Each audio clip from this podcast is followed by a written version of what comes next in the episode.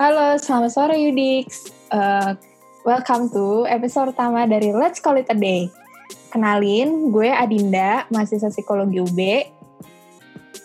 Uh, nama gue Divya Alifa Zara, mahasiswa psikologi UB angkatan 2017. Gue Adel dari mahasiswa psikologi UB juga. Nah, uh, sebelumnya kita ngapain sih di sini? Iya, tentang apa sih podcast ini? Uh, jadi podcast ini tuh namanya adalah Let's Call It A Day. Ide dari nama ini tuh karena uh, podcast ini sendiri uh, direncanain tuh kita tuh bakal tayang setiap ha di hari-hari tertentu sekitar jam 6 sampai jam 7. Iya. Uh, seperti itu sih. Hmm. Kalau di sore hmm. tuh di sore hari tuh kenapa sih kita milih waktu ini?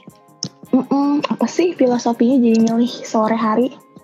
Hmm, uh, let's call it a day itu tuh lebih kayak pembicaraan kita bertiga gitu sih, obrol-obrolan santai uh, tentang kesehatan psikologis atau edukasi ilmu psikologi secara umum, terutama di tengah pandemi ini.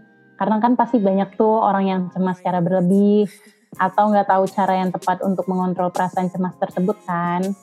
Nah, mm. konsep kita tuh lebih kayak ke pembicaraan santai dan juga saran nih bagi pendengar yeah. Iya. uh, dari kita sebagai mahasiswa psikologi ke masyarakat dan apa aja yang dapat dilakukan agar bisa mengontrol atau menghindari perasaan-perasaan negatif tersebut sih. Ya nggak teman-teman?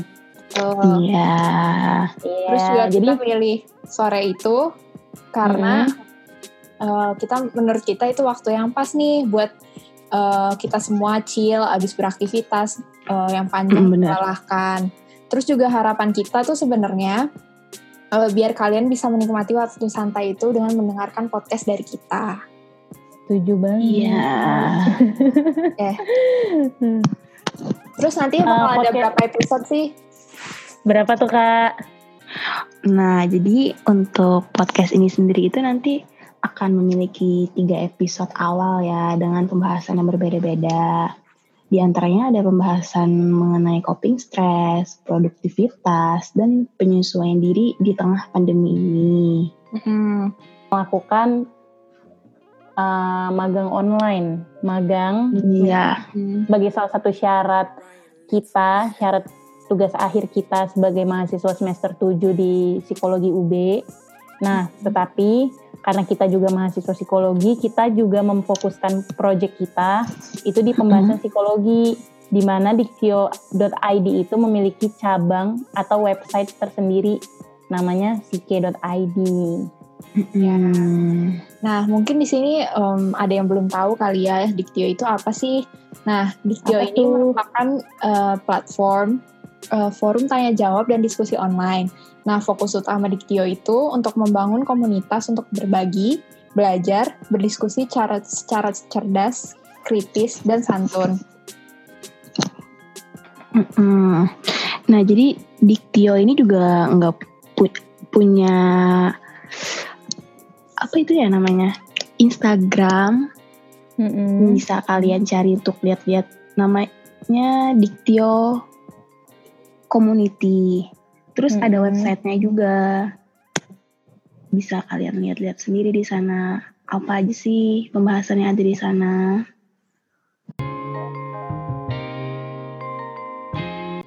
Untuk pembahasan kita yang pertama kali di Let's, Let's Call It A Day, untuk episode pertama kita, kita pengen banget cerita-cerita atau sharing-sharing tentang penyesuaian diri kita nih di masa pandemi Uh, sebelumnya uh, gue Divya kangen banget sama teman-teman gue yang tinggalnya hmm. kayak antara ujung ke ujung nih. Bener. Gue pengen banget tahu kabar kalian. Ya. gue pengen banget tahu kabar kalian. gue pengen banget tahu kabar kalian cara kita kan biasanya ketemu hampir setiap hari ya teman-teman. Iya. Yeah. Ya, kangen gak sih gue gue sih kangen sama kalian. Kalau kalian kangen gak sama gue? Hmm. Coba ceritain kangen, dong. Pengen ketemu. hmm. Gue kangen sih, tapi alhamdulillah lu pada masih bernafas ya. Ya, Alhamdulillah. Alhamdulillah. Eh, semoga kita tetap tetap terus sehat dan semoga Amin. para Amin. para pendengar juga jangan keluar keluar rumah kalau nggak penting nggak Iya. sih? Betul. Ya bang. Bener banget. btw eh, kalian lagi sibuk apa sih akhir-akhir ini di masa yang udah menuju jenuh ini masa transisi Hmm. menuju normal ini gimana sih? Kalau gue, gue sehari-hari sekarang kerja, Oke, gimana kalau boleh tahu kerja di mana? kerja di Diktio. Magang Hmm. sih, bukan kerja. Gue Iya, sekarang sibuknya sih sama urusan magang, perintilan magang, kayak eh, apa namanya laporan, terus juga kayak bimbingan, kayak gitu-gitu sih. Hmm, Juga kan iya, iya. mau skripsi, Iya, sama sih. kayak kesibukannya Hmm. itu sih paling. Tapi juga Iya. tidur. Kayaknya lebih banyak waktu Iya. tidurnya ya. Terus Iya, iya Iya, sih, kayaknya kayaknya iya peres deh Dinda. iya sih. Terus juga Kayaknya banyakan tidurnya deh. Terus, iya, nonton drakor, Heeh. Terus, Hmm, apalagi Terus, itu terus. sih. Ada apa Del? Kalau gue sih ya kurang lebih sama ya. Lagi alhamdulillah lagi magang di Diktio. hmm. Terus ya hari-harinya makan, tidur, YouTube. Mm-mm. Nonton Ya, apa tuh kalau boleh gitu tahu? aja. YouTube bah Raffi. yang ngebut Luna sih enggak enggak lah iya iya Enggak, enggak, enggak. sih Taulani TV, Taulani TV. Taulani TV. Ngaku, ngaku, ngaku, ngaku. Taulani TV yang suka nawar-nawar mobil. Eh, ini mobilnya gimana gitu. Ngaku. ah jangan-jangan lu nih kok tahu Oke, oke, oke. Jadi sebenarnya kesibukan kita sih nggak jauh beda ya. Iya kurang lebih sama. kurang lebih kurang kurang lebih sama karena kebetulan selain kita sama-sama mahasiswa psikologi kita satu jurusan Betul. kita juga satu angkatan dan kita juga satu kelas sih sebenarnya Iya kita betul. satu Bosen tempat banget nggak magang. tuh? jadi, jadi sebenarnya sih ya gimana ya ya gitu gimana jujur lu pada bosen nggak bosen bosen lah udah berapa lama sih kita kira-kira di rumah Kayak hampir dua bulan. Eh dua bulan. ya? lebih lebih Lebih, masa? Enggak. Waktu Lebih. pertama kita tahu tuh kapan ya? Waktu pertama Maret, Maret nggak sih Maret Maret Maret Maret ya? Maret Maret Mm, Maret Maret Oh, empat ngomong-ngomong empat bulan ngomong-ngomong 4 bulan, Hmm. ceritain dong gimana kalian eh, keadaan kalian pas kenapa kalian tiba-tiba udah sekarang ada yang satu di Jakarta, satu di Banjarmasin, gimana kalian pulang dari Malang dan kenapa pulang dan gimana sih COVID ini mempengaruhi hidup kalian sebelum dan sesudah? Coba ceritain dong. Em, kalau gue awalnya tuh taunya gara-gara nggak gue baru pulang kelas gue ingat banget gue baru pulang kelas habis itu kayak kit, gue kayak kalau nggak salah gue ngechat lu atau ngechat maksudnya ngechat grup kayak Mm-mm. itu terus habis itu eh, Mm-mm. pas lagi buka HP intinya terus eh, nyokap gue atau bokap gue tuh kayak nge-send gitu ada Hmm. artikel terus tulisannya tuh mahasiswa UB ada yang suspek corona nah sebelumnya ampun. emang kita tuh kayak takut kan sama corona karena udah udah nyampe di banget Jakarta banget banget. waktu itu kan banget. udah nyampe di Hmm. Jakarta ya tapi Iya.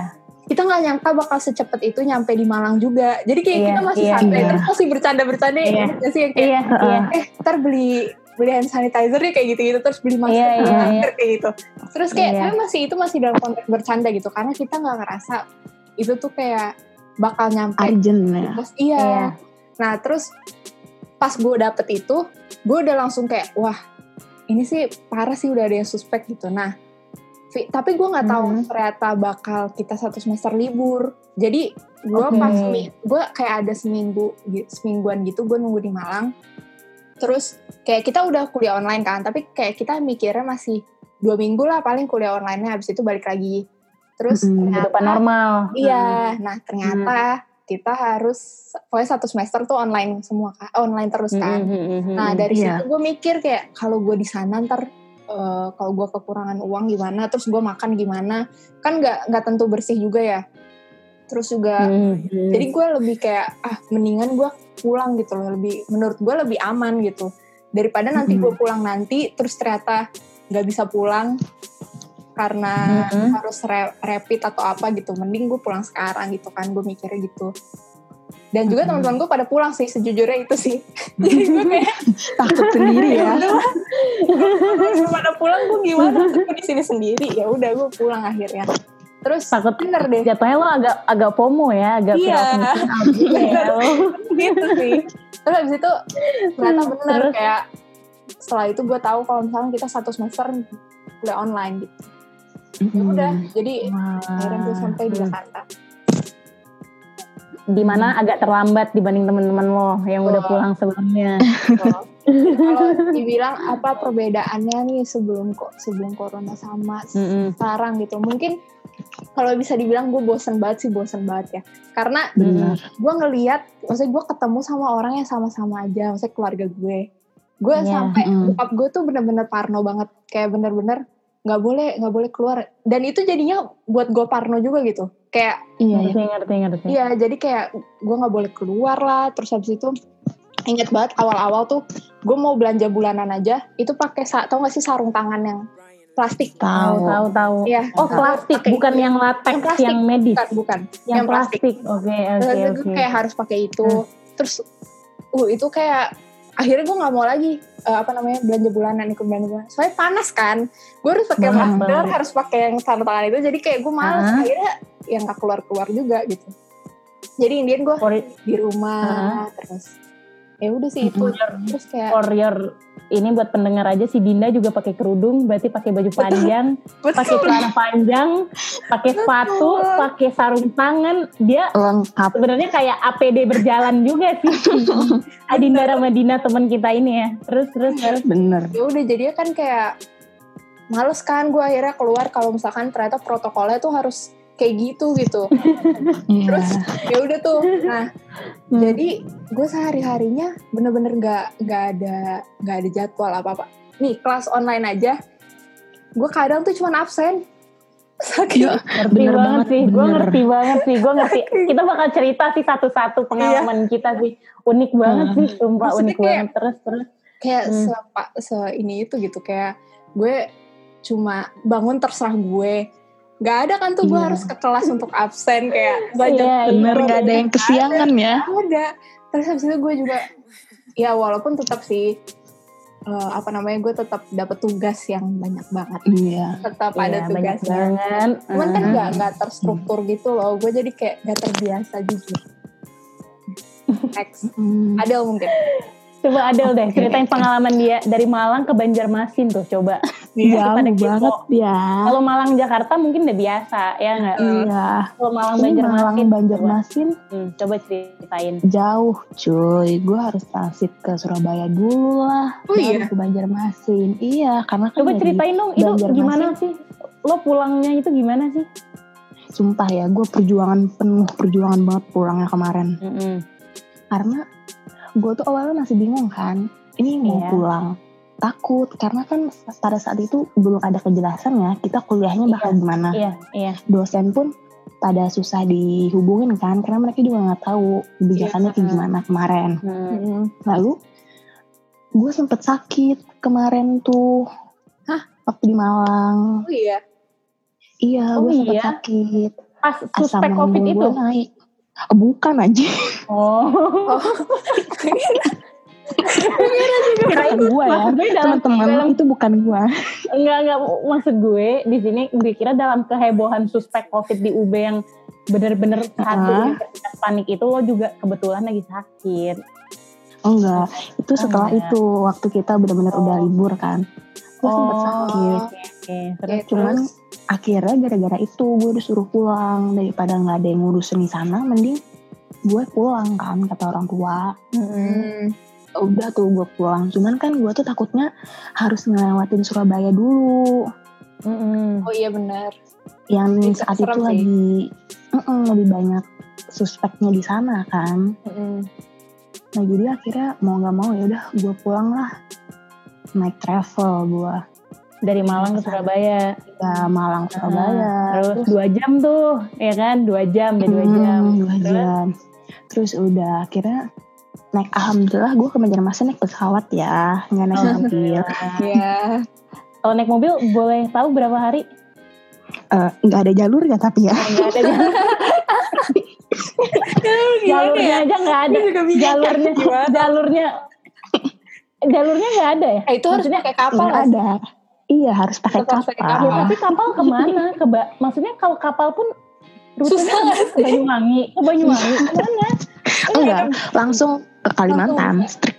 Oh ada Oh, Surabaya bisa. Kalimantan. Ada, ya Allah. Sorry sorry banget ah, buat pendengar ini gue bukan merendahkan Kalimantan, gue Enggak, enggak. jujur awam sekali. Terus Iya. terus lanjut lanjut. Terus Berapa berapa lama tuh flightnya kalau boleh tahu? Kayaknya cuman 51 jaman deh kayaknya. Enggak lama Oh deket ya, deket ya. Cuman gua kira kan pesawatnya bakal sepi tuh. Mm-mm. Rame kan? Ternyata rame full Iya. cuy. Ya Gua aja takut sampai beli apa itu tisu apa tisu yang ada alkohol itu. Oke oke oke yang Oh, pokoknya saking buat parnonya. sanitize permukaan deh gitu. Iya, Ya karena kan ampun. sanitizer susah dicari, masker Iya, juga iya, iya, sulit, iya, ya benar. kan? Abis Ya di mana-mana. Terus terus. Terus ya udah deh, gua sampai bandara ya, Mm-mm. langsung mandi dong di bandara. Mandinya di bandara. Iya, waktu nyampe Banjarmasin. Seriusan? Luar Enggak, ini biasa kan? Ini serius Serius. mandinya di bandara. Serius, gua. Wah gila sih tuh denger tuh warga Banjarmasin tuh nih saking takutnya nih dia mandi di bandara Iya, karena kan apa, karena kan kita nggak tahu ya. Kan Heeh. orangnya sehat aja bisa kena nggak ada kendala. iya kan? iya benar. iya iya Jadi ya udah gua bawa handuk, bawa sabun, bawa baju ganti, mandi. Wah, tapi bukannya ini gue gue mau nanya jujur ya bukannya Hmm. kamar mandi bandara itu cuman ada eh toilet ya. iya Iya. toilet dan cuman Uh-huh. ada tisu bahkan kita kalau aduh gimana sih gue kalau kita mau bersihin itu kita aja kan nggak ada Hmm. belum tentu ada ini apa sih Shower. biasanya Oh. ya kayak yang buat Air. air yang kalian ngerti kan maksud gue semoga pendengarnya Iya, juga Iya, ngerti iya, iya, ya. iya, ngerti. Sebenarnya gimana lo Iya, mau ngerti. mandi itu kan bukan Enggak. kolam renang maksud gue gimana Oh. lo mandi gimana becek dan kalian tahu kan pasti we, apa toilet umum di bandara kan rata-rata kalau yang di mall itu kan tahu. pintu pintu bawahnya tuh kan kosong gimana sih kayak ya? keangkat gitu. Iya. Gimana lo mandi? Gitu itu pertanyaan gue ya. Ini pertanyaan gue. Ini jujur Ah. gue nanya gimana coba? Ceritain pengalaman mandi lo coba. Eh, Jadi coba. sumpah Hmm. itu luar biasa banget sih. Maksudnya mandinya nggak yang badan guyur gitu enggak ya. oke Cuman kayak oke ganti baju, sabun Hmm. tangan, lengan, kaki cuma kayak begitu doang. oh oh Kalau guyur mah gue harus berdiri di atas toilet. Ya ampun. Sumpah gue bangga sih jadi salah satu temennya Keren ada Nggak, maksudnya lu tuh disuruh atau kayak maksudnya disuruh sama bokap lu kayak ah, bokap nyokap lu kayak Del mandi aja di bandara gitu atau kayak lu sendiri ide Eh itu btw semua handuk sabun itu dibawain ya sama orang tua. Oh jadi lo udah ketemu terus karena ke kamar Iya. mandi udah. Iya nitip Oh. koper ngambil baju salin terus ya udah deh ganti deh bebersih. ya Allah Keren banget sih. Dan gua keluar Hmm. bandara pakai Heeh. sendal jepit, training, baju kaos, udah gembel banget sih. Bener bener bener siap nggak keluar rumah tiga bulan ya. Bener-bener siap Oh. banget. Tapi Dinda juga gue sih salah satu orang yang dicet sama dia ya di tengah-tengah ya. Maksudnya dia juga pakai sarung tangan latex yang buat Iya, iya. pakai masker, pakai udah pasti banget baju panjang itu udah. iya Dan latexnya itu harus dimasukin ke lengan panjangnya. Mungkin mungkin maksudnya takut ada yang tembus kali ya maksudnya. Jadi harus ketat gitu loh. Latexnya udah kayak kayak kita masukin kaos ke celana Eh, tapi lu Iya, juga iya, iya. lu kan juga Iya. pakai Bu- mungkin dia duduk kalau bisa nggak napak kali ya di bangku pesawat juga udah agak agak angkat itunya kali ya ya ampun kalau Dinda sendiri mandi nggak di di mana di Halim atau di CGK mandi nggak enggak lah gue tapi Enggak. pas pas balik langsung mandi. Kan gue kayak disemprotin Oh. disinfektan gitu sebelum masuk. Iya, oh iya. iya? Gua double.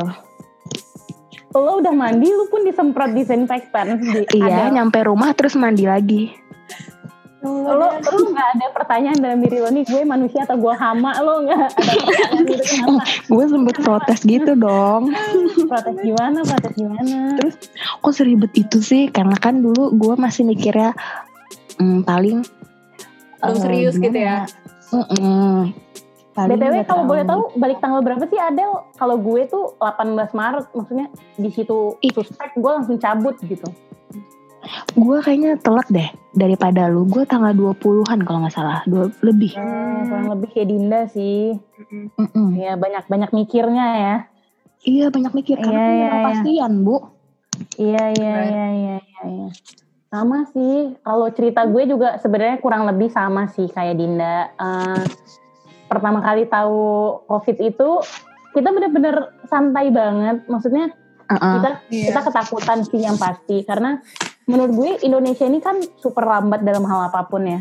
Betul. Diana, maksud gue ketika semua negara udah berbondong-bondong ketakutan akan menurut gue Indonesia dan Amerika Serikat itu salah satu negara yang paling nggak agak agak lama ya, agak-agak lama, agak agak agak telat gitu. Terus waktu kita masuk kuliah juga maksudnya awal 2020 aja kan sebenarnya startnya udah nggak baik nggak sih teman-teman maksudnya mm-hmm. ada air ada kebakaran juga di Australia terus yeah. ada covid juga di di Cina di Wuhan. mana di Wuhan tapi mm-hmm.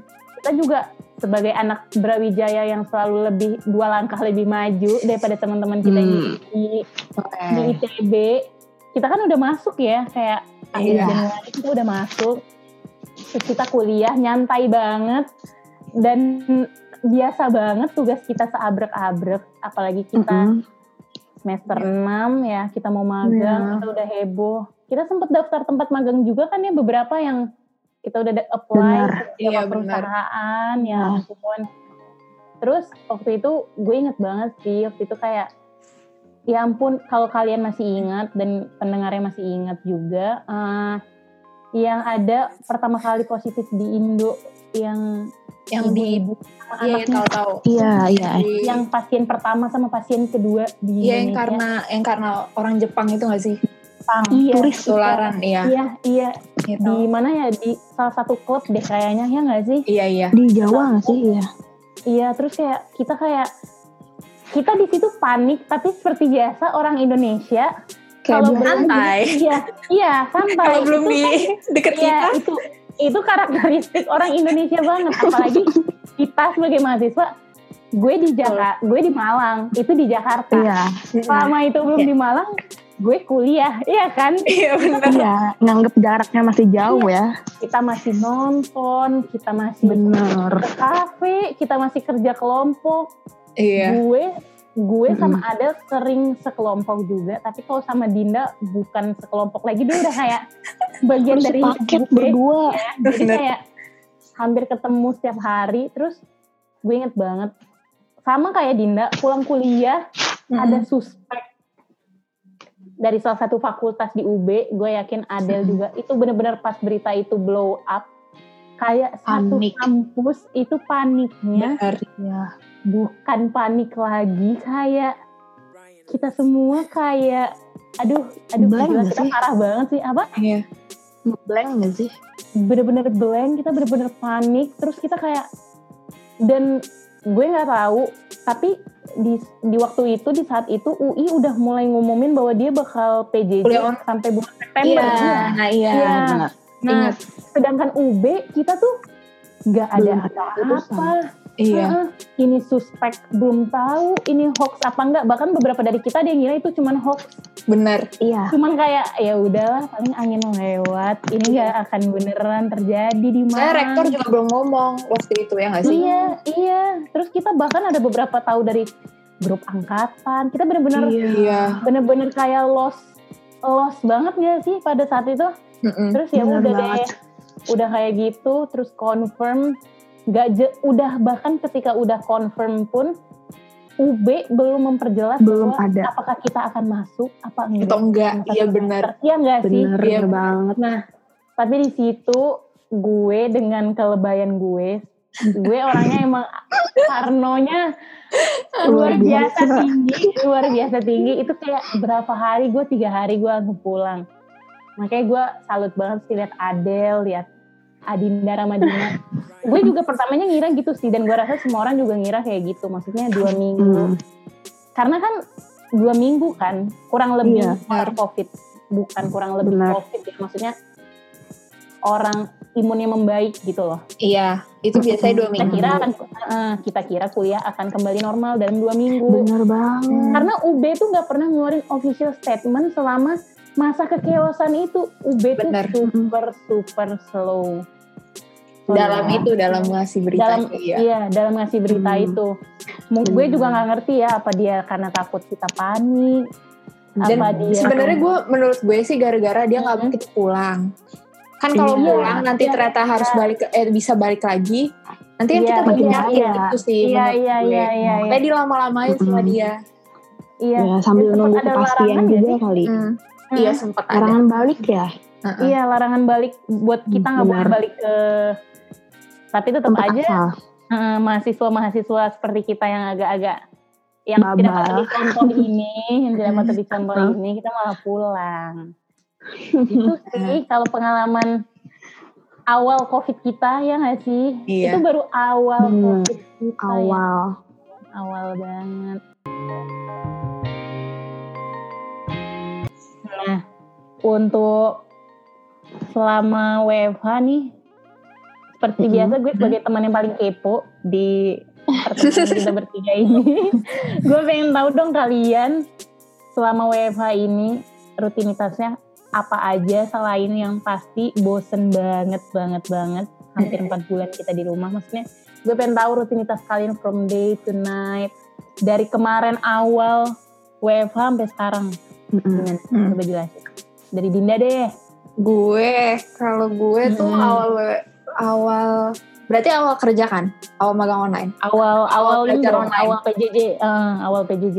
Oh, Oke, okay. jadi awalnya tuh ya karena tadi kan gue udah cerita ya gue kayak nggak boleh keluar rumah, benar-benar hmm. harus di dalam hmm. rumah aja gitu. Hmm. Bahkan kayak yeah. ke rumah sepupu pun atau ke rumah temen yang sama-sama kuarantin pun nggak boleh gitu kan?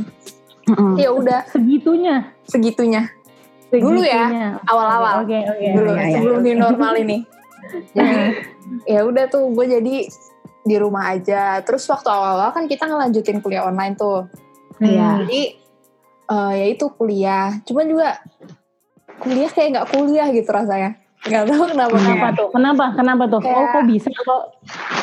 Kayak menurut gue karena gitu. karena hmm. emang gini ya. Karena emang kita tuh nggak semua mata kuliah ada penjelasan materi. Maksudnya kayak nggak ada yang kayak tatap mukanya kayak pakai hmm. Zoom gitu kan semuanya pakai Zoom kan Iya iya nah, emang nah, kita emang pakai Google Google Classroom semuanya. Hmm. Iya. Matkul emang pakai Google Classroom tapi oh kecuali uh, satu matkul gitu pakai WA.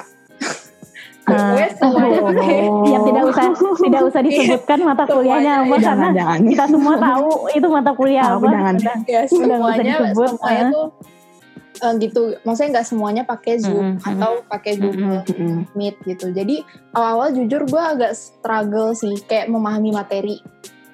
Karena mm -hmm. materinya tuh cuma dikasih gitu kan.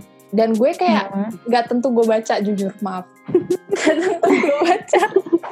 Karena ya, ini, ini kejujuran mahasiswa. Ini kejujuran. mahasiswa. terus? catatan mahasiswa.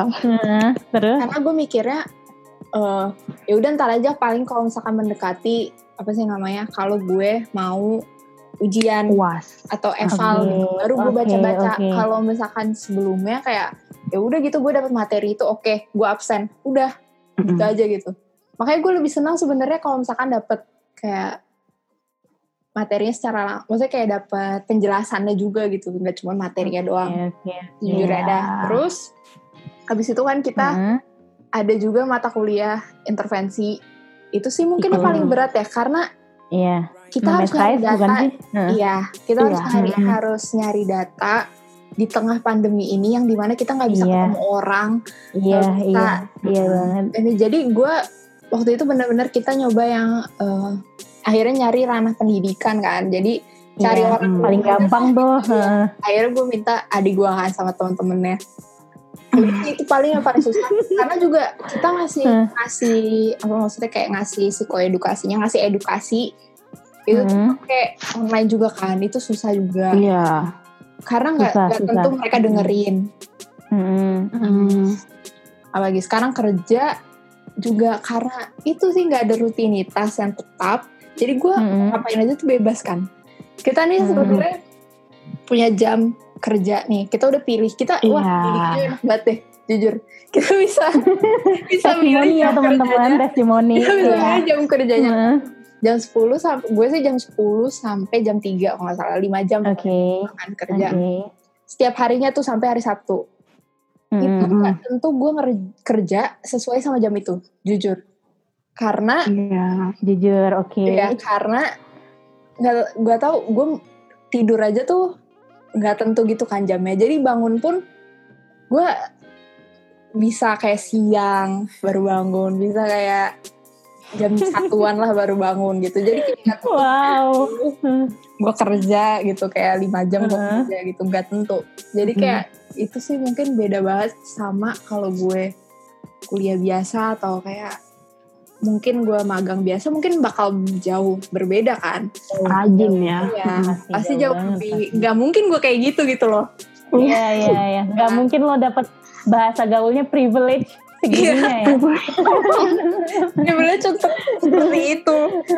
Oke oke oke oke. Ya mana? Kita kan nggak ada nggak kita cuman kayak ngasih tahu di kartu kendali apa yang kita kerjain hari itu. Tapi belum tentu sebenarnya uh, maksudnya apa ya? Kita ngerjainnya tuh plug kayak gitu gitu. Oke okay, jadi kayak itu aja sih. Eh tapi kalau kita bertiga ya sesuai ya.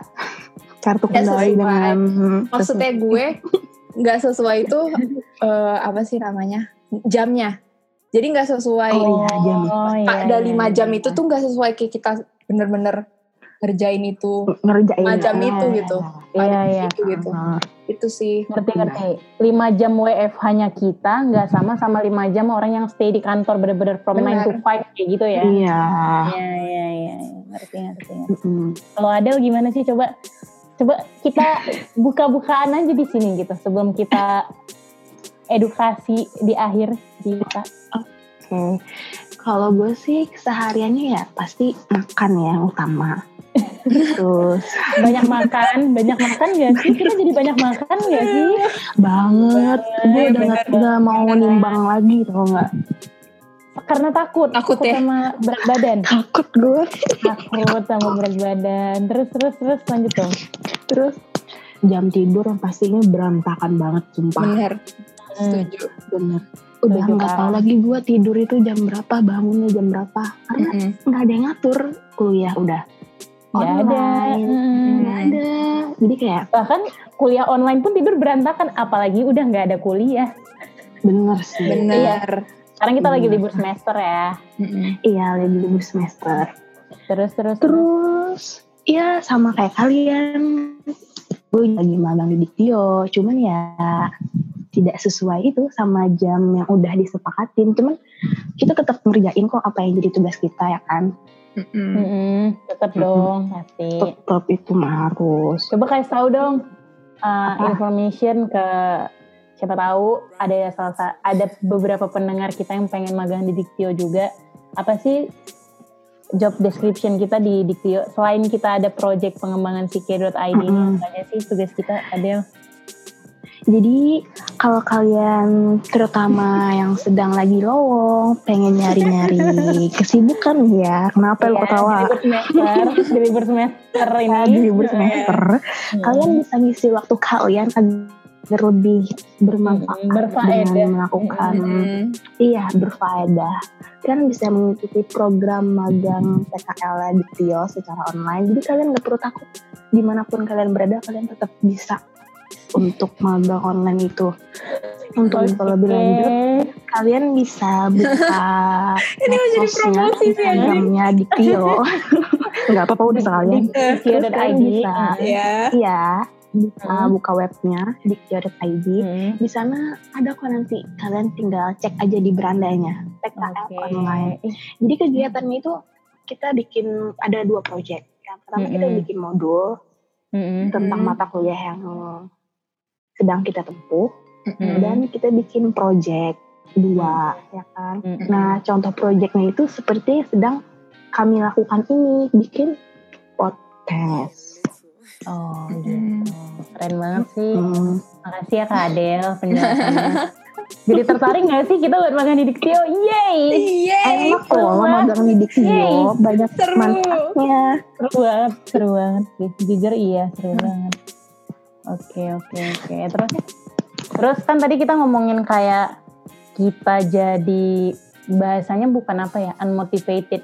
Itu jatuhnya kita yang kalian rasain tuh apa sih unmotivated kah atau jatuhnya kalian emang kayak ya udahlah ya hmm. udahlah gue kuliah hmm.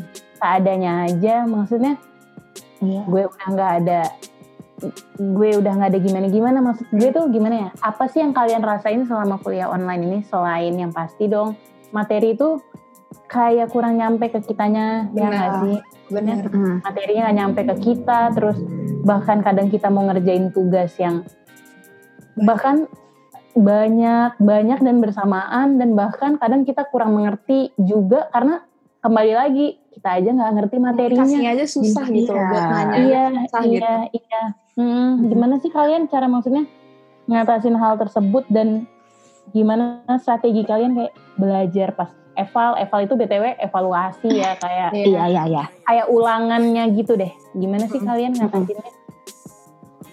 Kalau gue um, hmm waktu awal-awal tuh jujur kan susah ya yang gue bilang tadi hmm. gue kayak baca materi aja tuh mendekati ini kan menurut gue tuh lebih ke okay, kayak karena time management gue karena apa ya gue tuh harus mandiri kan berarti gue dituntut untuk yeah. kayak ini tuh mandiri banget semuanya tuh berarti tergantung sama diri gue sendiri kalau misalkan hmm.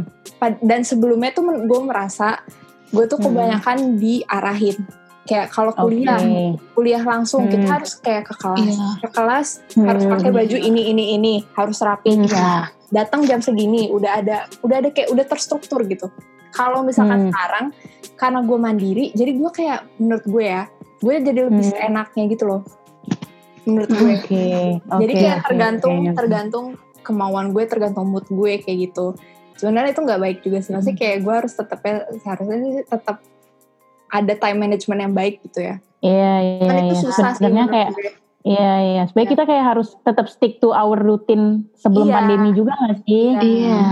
Dan itu menurut gue yang hmm. yang makanya bikin bosen, bikin kita bosan menurut gue. Karena hmm. sebenarnya kalau misalnya kita stick to the routine, maksudnya hmm. kayak yang kita kerjain kayak biasanya tuh mungkin nggak, mungkin kita ada kerjaan gitu loh. Ya pasti hmm. kita ada hmm, kerjaan hmm. gitu. Tapi karena okay, kita nggak okay. ngelakuin itu, jadinya bosen lah inilah gitu. Itu sih terus banyak distraksi kan kayak banyak banget distraksi banyak iya. banget distraksi. Kayak banyak banget distraksi. nonton inilah series inilah terus sekarang gara-gara itu semuanya nonton ini semuanya nonton drakor. Terus kayak hmm. penasaran coba juga nonton kayak gitu. Itu sih distraksi sih susah. Padahal tugas ada segunung gitu. Betul. Iya. itu sih. Kalau Adele gimana kalau gue sih ya kurang lebih sama, cuman ya awal pasti susah ya buat menyesuaikannya. Mm-hmm. Karena kan kita terbiasa buat kayak dipaparkan materi secara langsung ya. Iya, iya, iya Dijelasin gitu. Mm-hmm. Sekarang kita tinggal baca PPT dan kadang pun di kelas kita males nanya, apalagi ini online. Iya. Udah hilang tuh pada. Iya, iya. Iya, iya. Kan? Iya, iya. Iya, iya. Jadi kayak oh ya udahlah yang penting absen gitu loh. Iya iya iya. iya. Kalau nanya, oh ya udah ada yang mewakili lah, nanti bisa tanya-tanya. Jujur, jujur kalau pengalaman gue sendiri sih, uh, yang kayak kata Dinda tadi, mm-hmm. time management gue jelek banget. Gue mm. anaknya kalau di Malang itu udah biasa padet, maksudnya Iya, ya udah kuliah, iya. kuliah ah, padetin ya. Heeh kita kuliah setengah delapan, kelar jam segini, jam segini, jam segini, jam segini. Kita tuh udah terbiasa hidup kita tuh teratur gitu loh. Tiba-tiba semuanya, uh -uh, tiba-tiba dikasih bener-bener, nih terserah lo nih, lo mau belajar kek, lo mau enggak kek, lo mau kuliah kek, lo mau enggak. Kita tuh kayak kambing tersesat di padang pasir kita nggak kita nggak tahu. Jujur gue pribadi bahkan uh, misalnya nih kembali lagi jadwal tidur gue berantakan banget berantakan hmm. banget. Karena udah nggak ada kewajiban apa pun. Tidur gue berantakan yeah. banget. Tidur baru jam 4 bangun kadang jam 12 jam 1 mm sedangkan kelas ada 9.40 tuh. Iya. Di mana kita wajib buka either Google Meet lah atau Google Classroom atau iya. WhatsApp. Itu tuh bahkan kadang gue cuman buka mm-hmm. itu gue silent seperti biasa masalah mahasiswa satu dunia ini sekarang buka Bener. berusaha denger di awal-awalnya cuman karena kita aja kan posisinya nyantai ya. tidur ya, ya tiduran ya, kita tuh Iya, kita tuh nggak duduk, duduk tegap. Itu dosen ada di depan muka kita. Iya. Kayak ini kita sambil perubahan. Awalnya intensi gue sendiri, gue nggak mau tidur, jujur gue nah, gak mau tidur iya. gue dengerin lah setidaknya biar otak gue nggak kosong adalah. banget gitu. Adalah yang masuk sedikit uh, gitu. Uh. tapi dosen psikologi itu kan rata-rata cewek semua ya? Iya. Suaranya itu aduh surgawi banget. Lembut. Mm, lembut. lembut banget. Itu rasanya aduh perfect banget sih rasanya. Nah dan gue biasanya terbangun ketika orang-orang udah pada kayak makasih bu. Makasih bu. Makasih bu. Makasih bu. Makasih bu. Oke bu. Oke bu. Nah di situlah gue baru bangun. Kalau kalian kayak gitu gak sih? Kayak suka gak sih ketiduran pas lagi kelas pas lagi kelas online ini? Kayak uh, ketiduran uh, atau kalau bahkan di Google Classroom absennya diketikkan uh, diketik. Aduh aduh itu deg-degan banget sih. Takut banget kelewat kan soalnya. Iya, aduh parah sih itu. Itu benar-benar pernah kelewat Oh iya. Oh iya. Iya, uh, eh, gue lupa itu matkul pagi karena kan perbedaan jam ya. Hmm. Oh iya. Oh, antara, Jadi gue tuh, hmm. uh -uh. Jadi, lo Wita berarti ya? Iya. Oke. Okay. Hmm. Jadi akhirnya gue absen telat paling terakhir satu jam setelahnya. Luar biasa. Oke, okay. satu jam satu jam diterima. menurut gue itu normal. Satu jam iya. normal. Enggak, karena menurut gue temen salah satu rekan kita si Del Adinda Ramadina uh -uh. pernah yang lama banget lama banget itu kayaknya dosennya kayak nih anak oh, iya. ngapain sih apa jatuhnya kayak lo yang lain Iya, jatuhnya kayak lo nggak usah absen gak sih? Lo kok masih ada the ada city untuk ngetik nama lo gitu. Ini iya. Adinda Ramadina temen. Cuma kayak gue gue inget deh. Tapi ya itu gara-gara gara-gara itu gara-gara kan cuma dikasih materi. Iya benar-benar dikasih. Benar-benar dikasih doang udah gitu hmm. dong iya dan juga hmm. apa ya gue cuman kayak alarm nih misal alarm absen hmm. terus udah gue tidur lagi. Kalau misalkan ya itu kayak gue telat deh telat alarm deh. Maksudnya gak alarm. Pokoknya gue gak kan gak alarm iya, kayak kayak lupa. Tapi tapi kalian nyadar kan maksudnya dari hal kecil aja kita merasa kita udah kayak gak ada tanggung jawab semenjak covid ini. Iya, benar. Nggak ada kewajiban gitu buat kuliah. Sebenarnya itu kan gak patut banget dicontoh gak sih? Maksudnya benar. kita banget dan dosen itu udah memprepare segala materi gue yakin dengan iya. dengan benar. waktu dan dengan tahap karena gue yakin gak semua orang mengerti teknologi ya gak sih pakai Google benar banget benar banget gue aja gue aja yang termasuk muda pakai zoom pertama kali gue kayak aduh males Bingung. banget nih pakai zoom bayangin dosen-dosen kita yang profesor yang mm -hmm. umurnya jauh daripada Bener kita pasti kayak ya. ampun kasihan ya temen-temen ya Hmm, makanya dari itu kan kita harus menghargai mereka kan. Iya, dengan hmm. cara kelas yang benar, cerita-cerita tadi. Iya. Jangan ditiru. Jangan ditiru. Itu nggak nggak patut buat dicontoh banget. Bener banget. Mm -hmm. Terus kalau magang online gimana sih kalau magang online work from home ini gimana sih ceritanya kok kalian tiba-tiba bisa sih nyasar nggak gimana perbedaan har, apa ekspektasi kalian magang mm, di semester iya. sebelum covid dan sesudah covid tuh gimana sih ekspektasi mm. kalian sama realita kalian mm. tuh gimana coba ceritain. Mm. Oke okay, kalau gue awalnya tuh kan kan yang tadi udah diomongin nih awalnya waktu di Malang gue sama mm. Divya nggak tahu Adel ada mungkin juga hmm. ya kita udah nyari-nyari hmm. kan tempat magang hmm. kayak hmm. kita udah mikir kayak ah mau ke mana nih mau ke mana nih gitu hmm. dan ambisius banget ya iya. ambisius banget uh. bener-bener ambis kayak dari Malang aja tuh kita udah mikirin mau di mana mau di mana terus kayak kita sama-sama udah kirim CV kirim CV kayak gitu dan ternyata hmm. realitanya kita harus kuarantin dua minggu. eh dulu dulu tuh awalnya dua minggu gak sih dua minggu kan? Dua minggu. Dua minggu. Iya. Kita harus kuarantin itu dua minggu. Dari situ tuh cari kerja jadi susah ya. Susah kayak, banget, susah, susah banget, susah banget. Bener-bener susah, susah banget. banget. Kayak gue ngirim CV ke ke beberapa perusahaan gitu ditolak ditolak terus. Terus juga kita kan magang ini uh, apa maksudnya buat PK buat magang kuliah ini yeah. harus online ya? Kan nggak yeah. boleh kita yeah, diwajibin. boleh iya diwajibinnya tuh online. Jadi untuk nyari tempat magang yang full online juga susah. Ya udah gitu. Terus uh, jadinya ya udah waktu itu uh, apa kita dikirimin dari grup angkatan gitu. Maksudnya kayak ada ada template yeah. dari grup angkatan. Rekomendasi. Iya iya iya. Ya rekomendasi uh, di Kio nah dari situ mm. gue kayak ya udahlah coba aja gitu. Terus kayak ngajak teman-teman gue yang kayak gitu, coba yuk gitu. Terus ya udah coba ini keterima deh. Itu sih. Alhamdulillah ya. Alhamdulillahnya keren. sih keterima ya. Pikir keren hmm. banget sih. Kita jadi dapat insight-insight baru gitu. Oh gitu kan bener banget. Bener banget kan oh Adel Adel gimana sih? Maksudnya kalau gue magang hmm. yang ada di pikiran lo sebelum covid sama sesudah yeah. covid itu gimana sih? Hmm.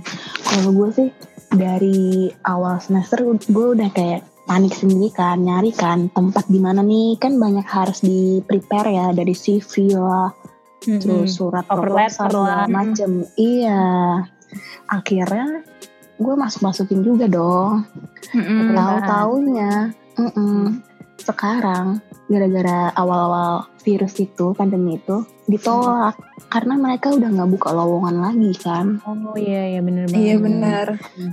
karena kan orang juga lagi panik sendiri iya iya iya jadi iya. susah dan akhirnya dari jurusan psikologi sendiri kan ada yang ngasih tahu ya magang yang bisa magang online itu apa aja iya hmm.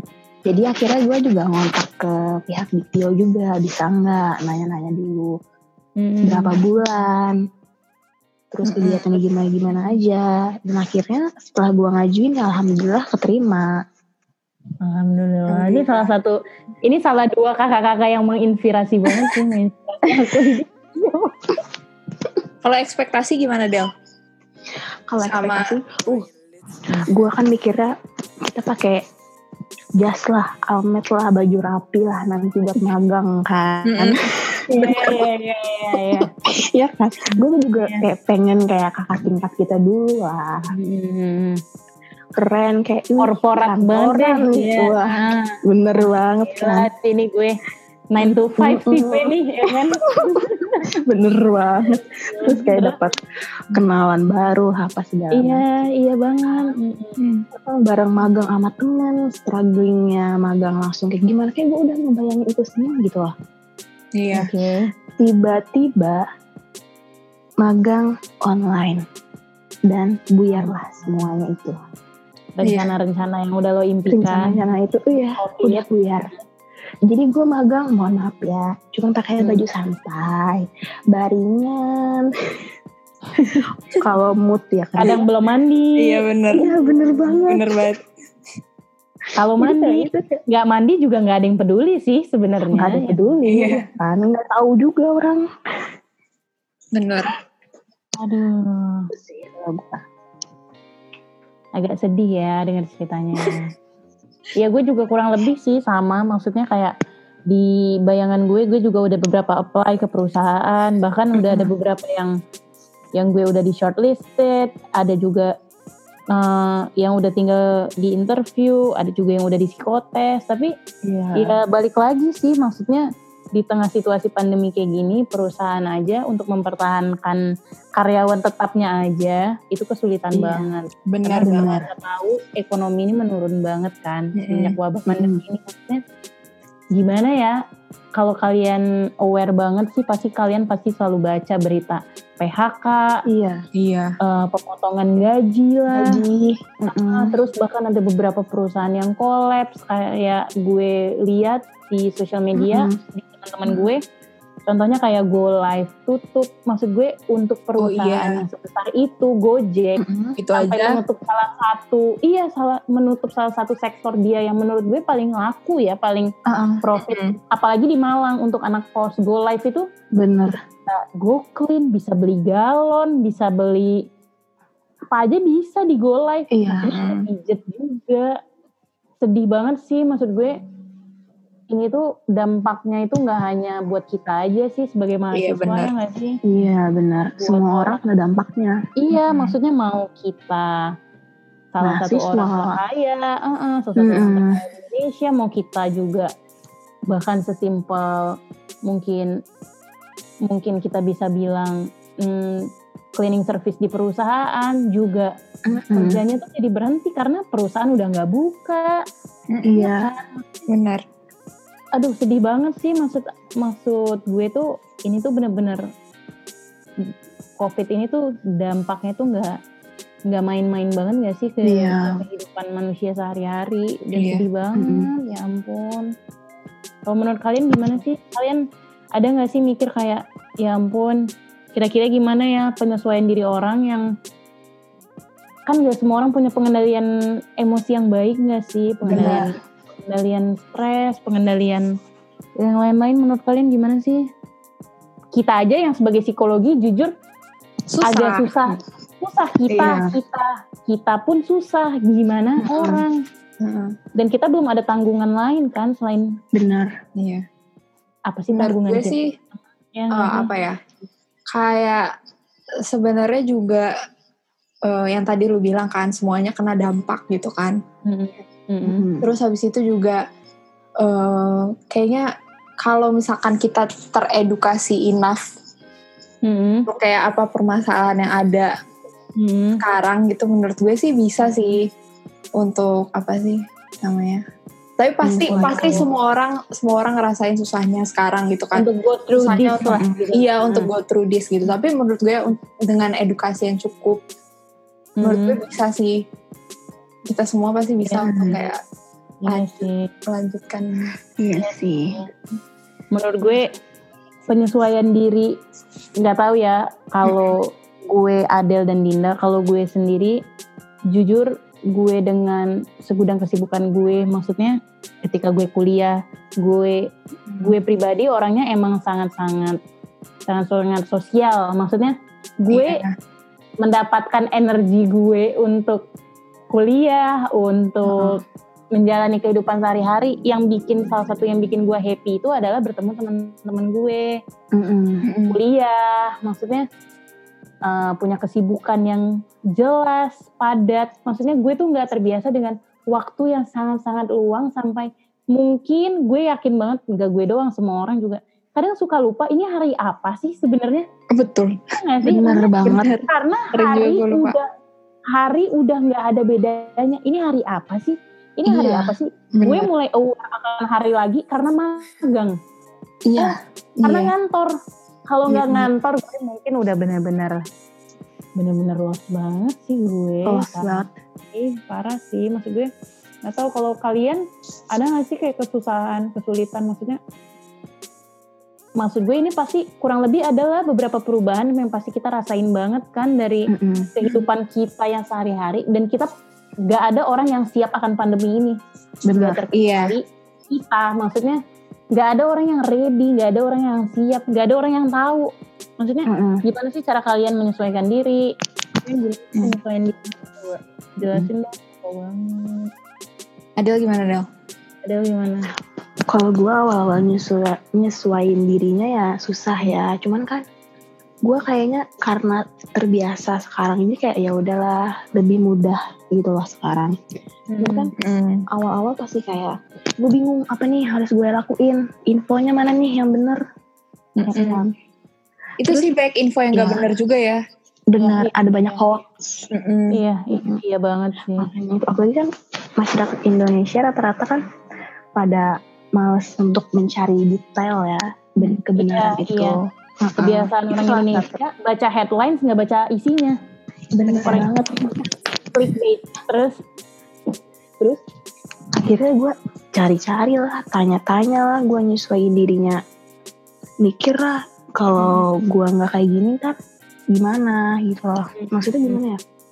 Maksudnya gue juga takut gue jadi penyebab orang lain gitu loh yang kena.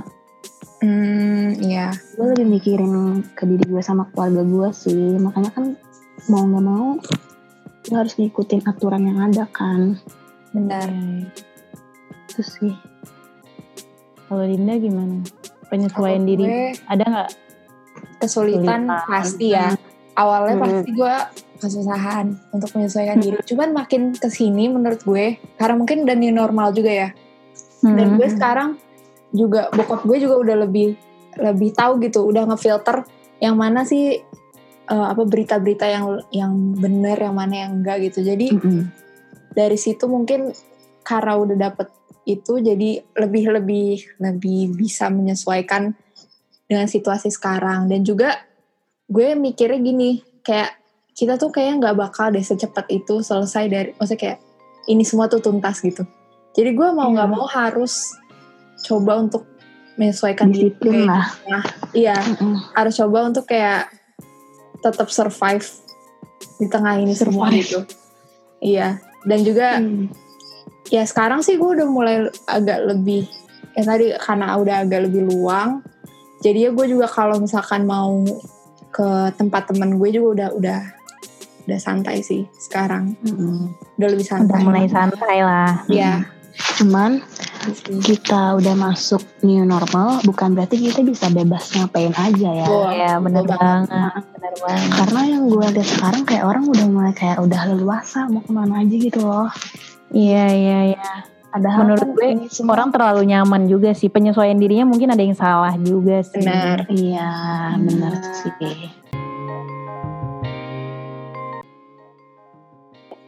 Eh, omong-omong ngomong-ngomong kita ngomong penyesuaian diri eh, Hmm? kita di sini selain udah ngobrol santai-santainya kita tuh pengen banget nih menjelaskan dari eh, sudut pandang ilmu Sisi. psikologi eh, eh, dari sisi Iya. psikologi eh, penyesuaian diri tuh apa sih biar kita tuh nggak salah kaprah biar kita tuh nggak asal ngomong gue penyesuaian dirinya oke banget loh penyesuaian diri itu Mm-mm. apa ya kan benar. Uh, jadi menurut Snyder's, uh, salah satu tokoh psikologi, penyesuaian diri itu merupakan proses yang meliputi respon mental serta perilaku yang di dalam hal ini individu akan berusaha untuk mengatasi ketegangan, frustasi, kebutuhan, dan konflik yang berasal dari dalam dirinya dengan baik, serta menghasilkan kesesuaian antara tuntutan dari dalam dirinya dengan lingkungan tempat individu tersebut hidup. Jadi kalau gue simpulkan secara mudahnya nih, uh, menurut Snyder itu tuh itu tuh merupakan proses yang dilalui oleh setiap individu untuk mengatasi nih ketegangan yang ada di kehidupannya, kebutuhan, konflik, untuk Hmm. mendapatkan kesesuaian dan kedamaian antara tuntutan dirinya, kemauan dirinya sendiri, dan tuntutan si Sama individu. Hmm. Nah, bener banget. Hmm, Nah, kesesuaian setiap individu kan, setiap individu itu kan beda-beda banget. Ada Iya. yang dapat menyesuaikan diri, tapi ada juga tuh individu yang sulit untuk menyesuaikan dirinya. Hmm. Mm-mm. Oke, terus menurut ada tokoh lain Spielberg memakai istilah adaptation untuk merujuk kepada konsep perubahan yang stabil dari individu atau kelompok untuk menghadapi tuntutan dari luar. Nah, proses tersebut dianggap dapat meningkatkan kecocokan antara individu dengan lingkungan. Penyesuaian diri, jadi dia punya bentuk penyesuaian diri, itu ada tiga. Yang pertama ada asimilasi, di mana individu dan kelompok berubah menjadi lebih serupa dengan lingkungannya, jadi menyesuaikan dengan lingkungannya. Yang kedua ada separasi, jadi saat terjadi resistensi dan berusaha untuk mengubah lingkungan atau justru menjauh dari lingkungan. Jadi individu ini eh, nggak nyamain sama lingkungannya, tapi mencoba untuk mengubah lingkungannya atau justru malah menjauh dari lingkungan itu. Yang ketiga Hmm, ya. ada akulturasi, di mana terjadi jika terdapat kecocokan antara individu dengan lingkungan. Jadi dia well adapted. Mm. Ngerti, Lalu-. Jadi penyesuaian diri itu salah satu konstruk atau konsep dari psikologi yang luas ya. Jadi mm-hmm. melibatkan semua reaksi gitu loh, nggak cuma individu, tapi juga lingkungan. Terus dari dalam individu itu sendiri gimana, tuntutan lingkungannya kayak gimana. Nah jadi penyesuaian diri itu menurut menurut Sneeders mm-hmm. dapat ditinjau dari tiga sudut pandang. Yang pertama penyesuaian diri sebagai adaptasi, terus penyesuaian diri sebagai bentuk konformitas, dan yang terakhir penyesuaian diri sebagai usaha penguasaan. Oke, okay, nah itu kita udah ngomongin tuh kurang lebih definisi penyesuaian dirinya. Nah, uh, Snyder juga mengutarakan nih beberapa aspek-aspek penyesuaian diri Mm-hmm. Nah, uh, di antara lainnya itu ada empat aspek. Yang pertama itu adaptation. Ah, adaptation mm. itu apa? Adaptation itu tuh kemampuan seseorang dalam beradaptasi. Kalau individu yang memiliki penyesuaian diri yang baik, mm-hmm. uh, cenderung dinilai memiliki hubungan yang juga memuaskan dengan lingkungannya. Jadi mm. segitu begitu pula sebaliknya jika orang dianggap memiliki penyesuaian diri yang cukup buruk, berarti memiliki hubungan yang kurang memuaskan dengan lingkungannya. Mm-hmm. Vice versa gitu loh. Jadi kalau lo iya. baik, penyesuaiannya udah pasti. Mm-hmm. Hubungan lo dengan lingkungan lo pasti baik. Gitu sih. Diartikan dalam konotasi fisik gitu. Ya, terus lanjut. Kedua ada conformity. Mm-hmm di mana hmm. artinya seseorang dikatakan mempunyai penyesuaian diri baik bila memenuhi hmm. kriteria sosial dan hati nuraninya. Hmm. Hmm.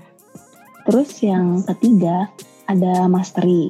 Jadi artinya adalah orang yang mempunyai penyesuaian diri yang baik, maka dia mempunyai kemampuan untuk membuat rencana dan mengorganisasikan respon dirinya sehingga dapat menyusun dan menanggapi segala masalah yang ada dengan efisien. Hmm. Hmm, yang keempat ada individual variation, artinya akan ada perbedaan individual pada perilaku dan responnya dalam menanggapi masalah. Begitu hmm. sih. Hmm. Nah, penyesuaian diri yang baik juga dapat dilihat nih dari beberapa faktor. Di antara lain tuh uh, mampu mengontrol emosionalitas yang berlebihan. Seperti yang tadi udah kita omongin nih, kalau kita kita di awal-awal memiliki emosi yang cukup cukup apa ya cukup berlebihan berlebih sih. iya uh, mm. berlebih dalam artian kita kurang lebih belum dapat menerima kenyataan dengan baik kita belum dapat yeah. menerima realita wah gila gue harus stay di rumah nih selama empat bulan Nah, awal gitu. syukurnya kita nggak ada sih gangguan emosi yang merusak, mm-hmm. yang membuat kita berpikir secara ekstrim atau melalaikan kewajiban kita. Benar. Begitu sih. Yeah. Yang kedua itu ada mampu mengatasi mekanisme psikologis. Individu mampu menghadapi masalah dengan pertimbangan yang rasional dan mengarah langsung kepada masalah. Next. Mm-hmm. Terus ada juga mampu mengatasi perasaan frustasi pribadi, di mana individu menghadapi masalah secara wajar, tidak cemas dan frustasi. Jadi ya kalau ada masalah tuh dihadapinnya secara wajar gitu, nggak langsung kayak ah ada masalah nih. Terus lu kayak mikirin itu berkali-kali. Terus kayak cemas dulu, terus kayak frustasi dulu marah-marah dulu. Itu enggak tapi yeah, coba yeah. untuk kayak uh, gimana sih gue cara menyelesaikan masalah ini gitu. Iya. Terus ada juga kemampuan untuk belajar, di mana uh, eh, kemampuan ini tuh uh, mampu untuk mempelajari pengetahuan baru yang dapat dipergunakan untuk mengatasi permasalahan yang terjadi. Hmm. Gimana tuh kak contohnya?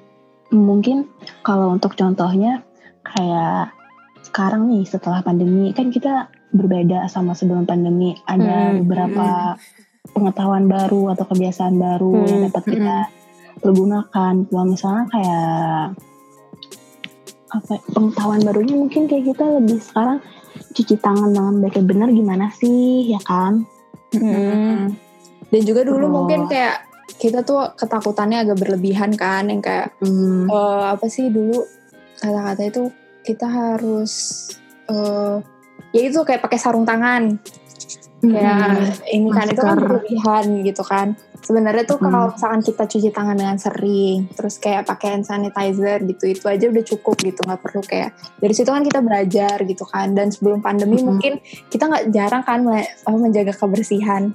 Kayak jarang untuk kayak mungkin tidak segitunya. Iya nggak segitunya. Ya. tapi sekarang kan hmm. setelah ada pandemi jadi lebih aware gitu loh sama kesehatan ya, sendiri. benar. kesehatan. Hmm. terus? Terus yang selanjutnya ada kemampuan memanfaatkan pengalaman. Nah, jadi di sini itu maksudnya individu dapat membandingkan pengalaman dirinya sendiri dan pengalaman orang lain dan dapat memanfaatkan pengalaman yang dimiliki untuk mengatasi permasalahan yang terjadi. Mungkin salah satu contohnya di sini individu dapat mengambil pelajaran lah dari pengalaman orang lain misalkan di saat pandemi ini dia kayak jalan-jalan ke sana kemari nggak terlalu mementingkan protokol kesehatan. Mm-hmm. kan kita nggak tahu ya jadinya dia kayak gimana. Terus mm-hmm. kalau tahunya dapat kabar ya jangan sampai lah ya dia tesnya reaksi. Nah mungkin kita dapat ngambil mm. pelajaran dari situ bahwa dari tidak bahwa mm-mm, selama pandemi ini protokol kesehatannya tolonglah diperhatikan lagi dan jangan ke mana-mana dulu kalaupun nggak urgent. Hmm, jangan mengulangi Terus, kesalahan yang sama ya. Iya, intinya seperti itu. Dan yang terakhir adalah memiliki sikap yang realis, realistis dan objektif. Jadi individu mampu mengatasi masalah dengan segera apa adanya, tidak menunda-nunda. Mm-mm. Penting banget nih buat mahasiswa terutama Mm-mm. yang hobinya suka menunda-menunda. Nggak hanya mahasiswa sih Iya. Iya.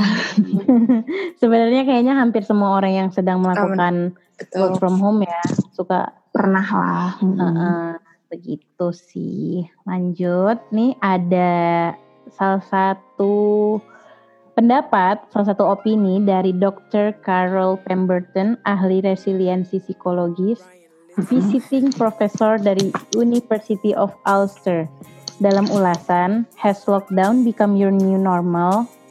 Nah, dokter ini tuh, dokter Carol ini, dia menuliskan empat tahapan yang dilalui individu dalam mm-hmm. menghadapi keadaan baru. Yang mm-hmm. pertama, tahap satu, ketidakpastian. Nah, mm-hmm. momen-momen ketika COVID-19 merebak dan kebijakan karantina mulai di dilaksanakan di Indonesia, orang-orang iya. kan mulai dilanda perasaan ketidakpastian tuh. Sebagian merasa kita bertanya-tanya kapan ya COVID berakhir. Iya. Karena kalau keadaan ini tuh dapat menghancurkan pola kerja kita, rutinitas kita. Nah, pas hmm. ketidakpastian ini tuh pasti ditandai dengan perasaan terganggu yang berlebihan, di mana orang-orang hmm. merasa cemas, emosional, dan kebingungan. Hmm. Itu sih kurang lebih tahap satu ketidakpastian. Tahapan-tahapan ini pasti akan kita lewati sih. Iya. Iya benar. Tahapan keduanya coba dong. Tahap kedua ada disrupsi. Nah, fase ini tuh uh, ketika fase ketidakpastian itu benar-benar nyata, mulai ada keadaan menjadi tak mulailah keadaan menjadi tak terkendali. Nah, terjadi disrupsi mm. besar-besaran, perusahaan, terus juga sekolah, universitas, badan pemerintah, lembaga swasta itu merasakan dampak yang luar biasa yang kayak tadi kan. Jadi semuanya tuh kena dampaknya gitu. Nah, Orang-orang yang awalnya hanya gelisah, jadinya kan panik dong. Terus keadaan mm-hmm. ekonomi juga kena. Terus orang-orang merasa bahwa COVID-19 itu uh, adalah bencana yang merusak hidup mereka. Nah, penyedia mm-hmm. lapangan kerja juga mulai merumahkan karyawan-karyawan dan PHK besar-besaran juga terjadi gitu di beberapa sektor dan wilayah.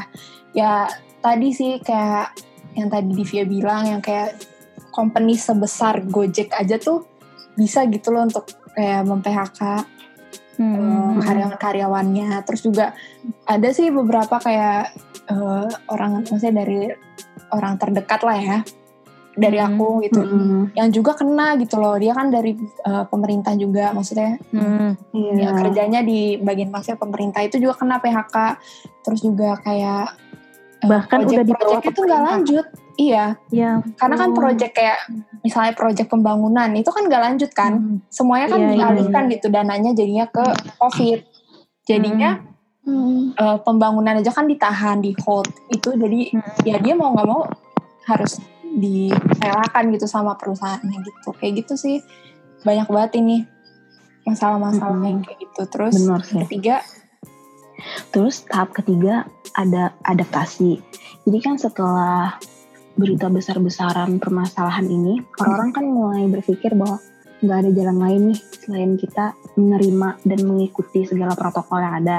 Betul. Jadi selagi menunggu pandemi ini mereda, kan ahli kesehatan pasti mereka mencari solusinya. Mau tidak mau, individu harus beradaptasi dengan keadaan yang ada ini.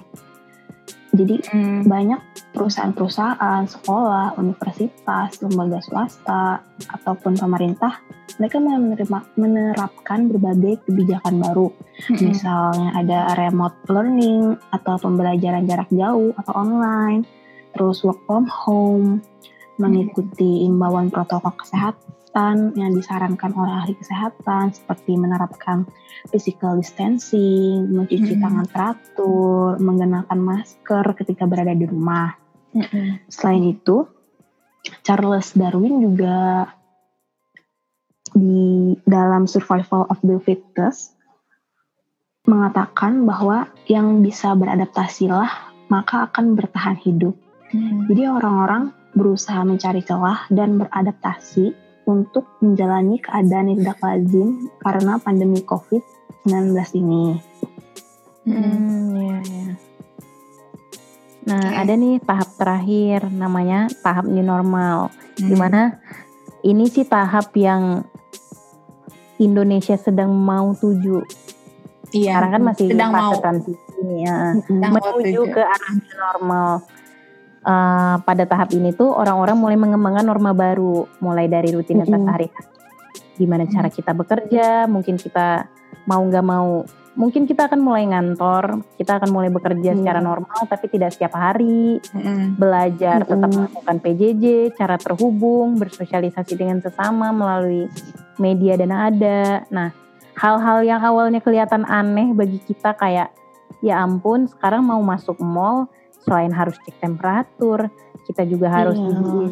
infek di depan. Mm. Kita nggak boleh mm. ngumpul. Itu hal yang aneh. Mm. Sekarang menjadi hal yang lazim dan bukan iya. bukan nggak mungkin hal-hal tersebut tuh jadi hal-hal yang kita jadikan kebiasaan sehari-hari.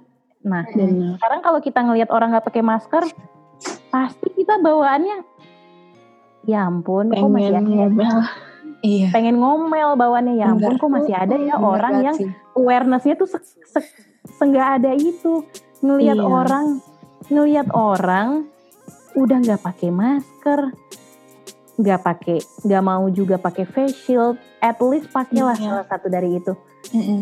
abis mm -mm. itu batuk gede-gede bikin iya. orang pengen mundur tujuh ribu langkah ya nah, bener itu itu pasti bakal menerima sanksi sosial dari kita masyarakat iya. nah, nah dari hmm. itu ada nih menurut psikologi Intan Erlita hmm. uh, dikutip dari Antara dia me memberikan beberapa tips dalam melakukan penyesuaian diri hmm. nah di antaranya adalah yang pertama berdamai berdamai hmm. dalam hal ini tuh kita kurangin deh ketakutan kita supaya kita tuh bisa bangkit pelan-pelan beradaptasi dengan hal-hal baru.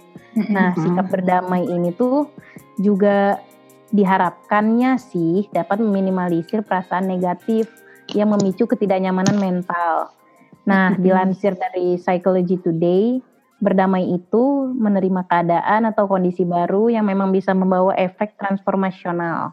Sederhananya sih sesuatu yang kita anggap negatif itu bisa diharapkan menjadi netral bahkan positif. Jika kita terima tidak kita tolak mentah-mentah begitu. Oke, terus kedua juga masyarakat mengikuti aturan yang sudah ditetapkan pemerintah.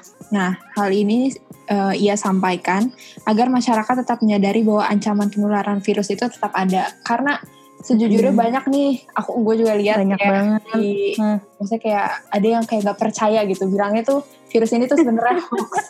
Sumpah ada. Iya. waktu itu juga kalau nggak salah ada kayak bahkan bukan bukan di negara kita aja di Amerika pun. Bahkan di Amerika salah, ya iya, tahu tahu tahu. ada ada yang ada kayak pokoknya terkenal gitu kayak Instagram. Siapa?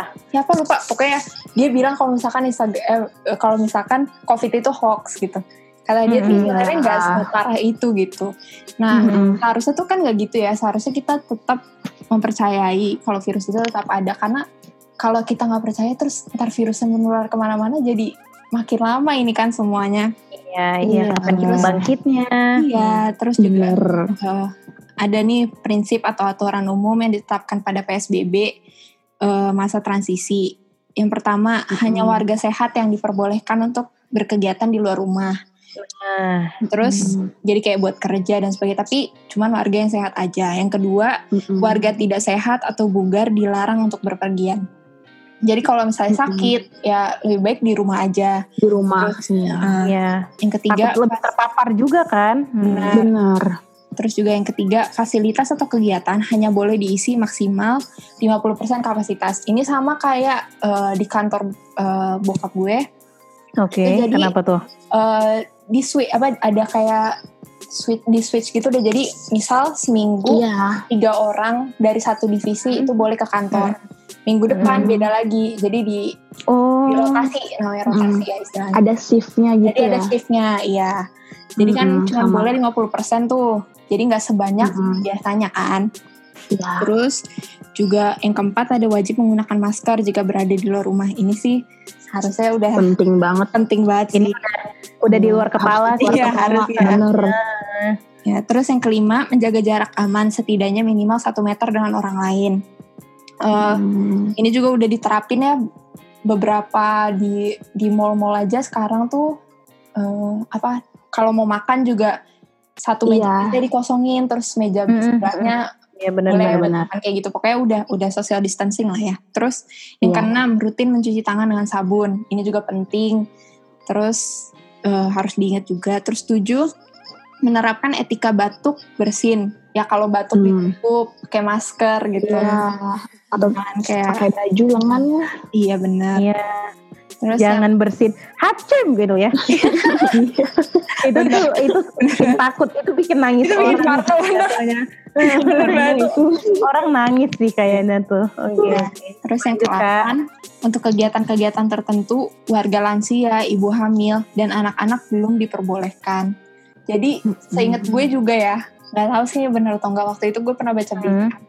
Katanya tuh, sebenarnya orang yang udah 50 tahun atau apa gitu, nggak boleh ke mall. Oh ya? Nah, Oh iya, iya? karena dia termasuk lansia, Iya, lebih riskan 50 ke ya. atas, lebih riskan. Jadi nggak boleh ke mall. Seingat gue sih, tapi itu Hmm. itu berita pas awal-awal mau new normal deh. Nggak tahu itu udah Oh. udah dikonfirmasi umurnya segitu sekarang atau enggak tapi awal-awal sih kayak gitu setahu gue Nah, jadi kita juga mau ngingetin kalian nih. Ada dua protokol kesehatan yang bisa diikuti agar tercegah dari penularan virus corona selama masa transisi di tengah pandemi ini. Yang pertama adalah protokol di rumah.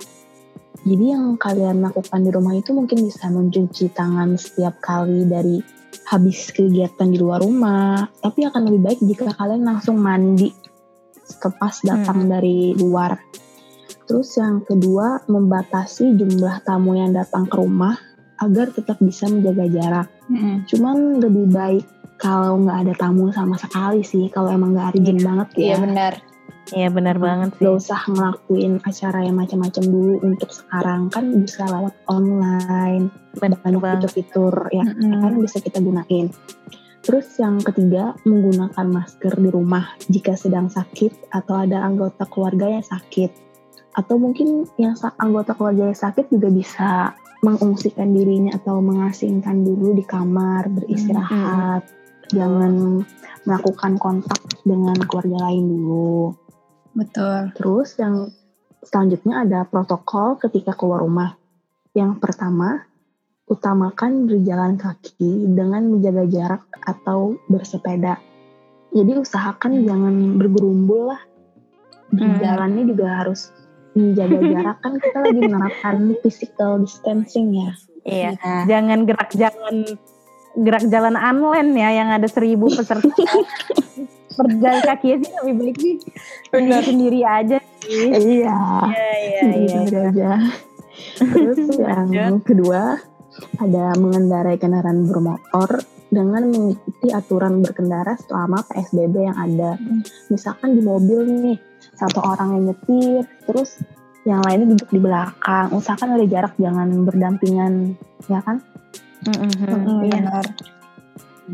Terus yang ketiga, kendaraan umum massal seperti mobil, bus umum, MRT, ataupun yang lainnya sekarang sedang membatasi jumlah penumpangnya 50% dari total kapasitas. Mm-hmm. Yang selanjutnya ada kendaraan umum non massal seperti mobil atau ojek online dan pangkalan lainnya yang beroperasi sesuai aturan keadaan PSBB yang ada. Misalnya penumpang ojek online wajib membawa helm Iya nih. sendiri atau memakai masker, face shield sendiri. Kan? Iya, iya, Terus iya. yang kelima, kembali lagi harus memakai masker kapan pun dan di mana pun saat sedang di luar rumah. Betul banget. Masker itu udah kayak salah satu Wajib. bagian dari kita sih. Kalau kalau mau keluar rumah ya kita harus pakai masker. Benar. Nggak harus pakai masker medis ya kan. Kita bisa kok pakai Iya. masker kain. Kita juga bisa Iya. masker kain kalau kita emang mungkin ketakutan untuk beli masker kain secara online. Kita bisa kok buat sendiri pakai Mm-mm. kain yang ada di rumah. Iya. Nah, Makanya. Lanjut nih ke tips yang ketiga. Yang ketiga nih lebih ke peace of mind sih kalau menurut uh, apa ya pendapat aku secara personal karena Mhm. untuk tipe orang yang kayak aku yang nge-recharge-nya itu dengan cara bersosialisasi dengan orang, menurut aku Mhm. menjalin komunikasi itu penting banget. Benar. Karena Mhm. itu komunikasi yang dijalin. Nah, kita tuh bisa loh tetap terhubung dengan orang-orang terdekat. Gak apa-apa, kita nggak mungkin kita nggak bisa bertatap muka secara langsung, tapi kita bisa melalui daring menggunakan Zoom, Iya. FaceTime, WhatsApp video call, line video Iya. call, banyak banget. Menurut aku penting sih, karena kalau kita ngobrol sama orang yang itu-itu aja, nggak nggak nanya kabar orang, kita jenuh nggak sih, bosen Jenuh. kan? Iya. Jenuh. Jadi menurut aku komunikasi ke sama temen, oke sih. Menurut aku salah satu Benar. tips yang bagus lah dalam kita semua kan melalui hal yang sama, menyesuaikan diri dari kehidupan kita yang sebelumnya ke Betul. kehidupan kita yang new normal setelah pandemi ini. Lanjut ke Iya. yang keempat. Keempat ada eh, senantiasa menjaga kesehatan dan meningkatkan imunitas tubuh karena kenormalan yang baru juga berarti hidup berdampingan dengan COVID-19. Nah, ya kayak tadi tetap jaga kesehatannya, tetap minum vitamin, jangan kayak ngira itu lebay gitu loh. Kalau kita mau Iya. keluar, ya tetap pastiin kalau diri kita tuh fit gitu. Terus juga Mm-mm. tetap olahraga rutin meskipun kayak di rumah doang. Eh, Mm-mm. kalian ada nggak sih kayak olahraga gitu di rumah? Ada sih sesekali nonton Kayak yang YouTube. dari, iya kan yang dari YouTube gitu gak sih? Eh, yang ya kan? yang simpel-simpel aja sih. ya, yang tapi penting udah betul. Gerak ya, Iya, Iya. atau lari di komplek lah atau apa mungkin. Hmm, Benar. Terus juga Kalau CFD sih nggak usah. Jangan CFD lah. Usah. jangan Nggak please. usah lah kalau menurut Iya. aku. Terus juga selain bisa meningkatkan kesehatan fisik, eh, yang penulis juga mengatakan bahwa olahraga juga mampu untuk memberikan pengaruh positif terhadap kondisi psikis. Terus Mm-mm. selanjutnya, Hmm. Lalu yang terakhir, tetap menghindari aktivitas yang tidak diperlukan saat di luar rumah meskipun sekarang kan aturannya sudah diperlonggar ya. Tapi tetap Mm-mm. usahakan kayak jangan berkumpul-kumpul dulu lah di kafe. Jangan jalan rame-rame dulu lah. Maksudnya kan pandemi ini belum selesai gitu loh Mm-mm. meskipun udah diperlonggar, cuma kan kita tetap harus hati-hati dan was-was gitu loh dengan lingkungan sekitar. benar. Iya bener banget sih. Kalau dari aku, eh, menurut aku kata-kata penutup yang terbaik sih penyesuaian diri kita selama di pandemi ini.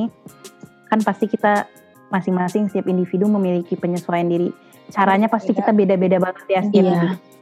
Apa yang apa yang bisa di aku belum tentu bisa di Dinda, apa yang bisa di Adel belum tentu di aku. Nah, Benar. Iya. menurut aku penting banget sih kita untuk take a step behind menurut aku untuk tarik nafas untuk mengurutkan nih kita nilai nih kita nilai situasinya secara benar, merumuskan alternatif tindakan yang paling memungkinkan untuk dilakukan dan melaksanakan tindakan yang direncanakan serta melihat feedback. Menurut aku, jika kita udah melakukan penyesuaian diri dengan baik, udah memperhatikan nih apa aspek-aspeknya, menurut aku kita bisa nih pelan-pelan mengatasi stres dan kecemasan, memiliki gambaran yeah. diri yang positif, Iya. Dan hubungan interpersonal yang baik. Itu sih aku harap kita semua bisa sama-sama menyesuaikan diri dalam work from home dan kita hmm. bisa bisa melewati ini bareng-bareng sih aku harapnya gitu. Ada iya. kata-kata penutup mungkin dari Dinda belum kita di hari selanjutnya kita melakukan pembahasan tentang coping stress mungkin Dinda uh, ada apa ya kurang lebih sama sih kurang lebih sama ya tetap jaga kesehatan hmm. kita tetap hmm. Uh, coba untuk ikutin tips-tipsnya terus hmm. percaya aja sama apa yang dikatakan maksudnya kayak yang dikatakan pemerintah kita coba untuk yeah. taati peraturan betul benar hmm. terus kalau dari gue sendiri sih usahakan tetap bawa starter kit kalau mau keluar rumah ya misalkan kayak pakai masker, bawa hand sanitizer, pakai mm -hmm. face shield atau mm -hmm. apa pun itu agar tetap bisa melindungi diri kita sendiri sama orang-orang sekitar kita. Juga jangan lakuin aktivitas yang nggak penting dulu lah. Tetap yeah. ya semoga sehat selalu. Ya, terakhir sih kalau harapan gue semoga kita tetap bisa untuk untuk tetap apa ya menurut gue tetap tetap ikhlas tetap bersyukur dengan keadaan yang kita miliki maksudnya yeah. aku nggak sendiri dalam menjalani work from home Benar. dalam adaptasi kita nggak sendiri orang melalui mm -hmm. hal yang sama aku harap mm -hmm. uh, dengan adanya sesi podcast kali ini episode pertama Let's Call It a Day aku harap banyak sih yang bisa kita petik apa ya menjadikan podcast ini tuh iya jadi kayak introspeksi yeah. mikir lagi sih oh kita udah benar hmm. belum sih melakukan penyesuaian diri selama hmm. masa ini normal ini gitu aja sih kalau dari aku oke okay. sama uh, Ida kalau ada kata-kata salah kata dan bertiga juga mohon maaf siapa tuh ada yang kesinggung ini cuma obrolan ringan obrolan receh hmm. catatan keseharian kita bertiga aja beserta edukasi iya oke okay. okay. Okay guys. Sampai ketemu di Dah. Let's Call It A Day selanjutnya. Pembahasan selanjutnya. Dadah, dadah.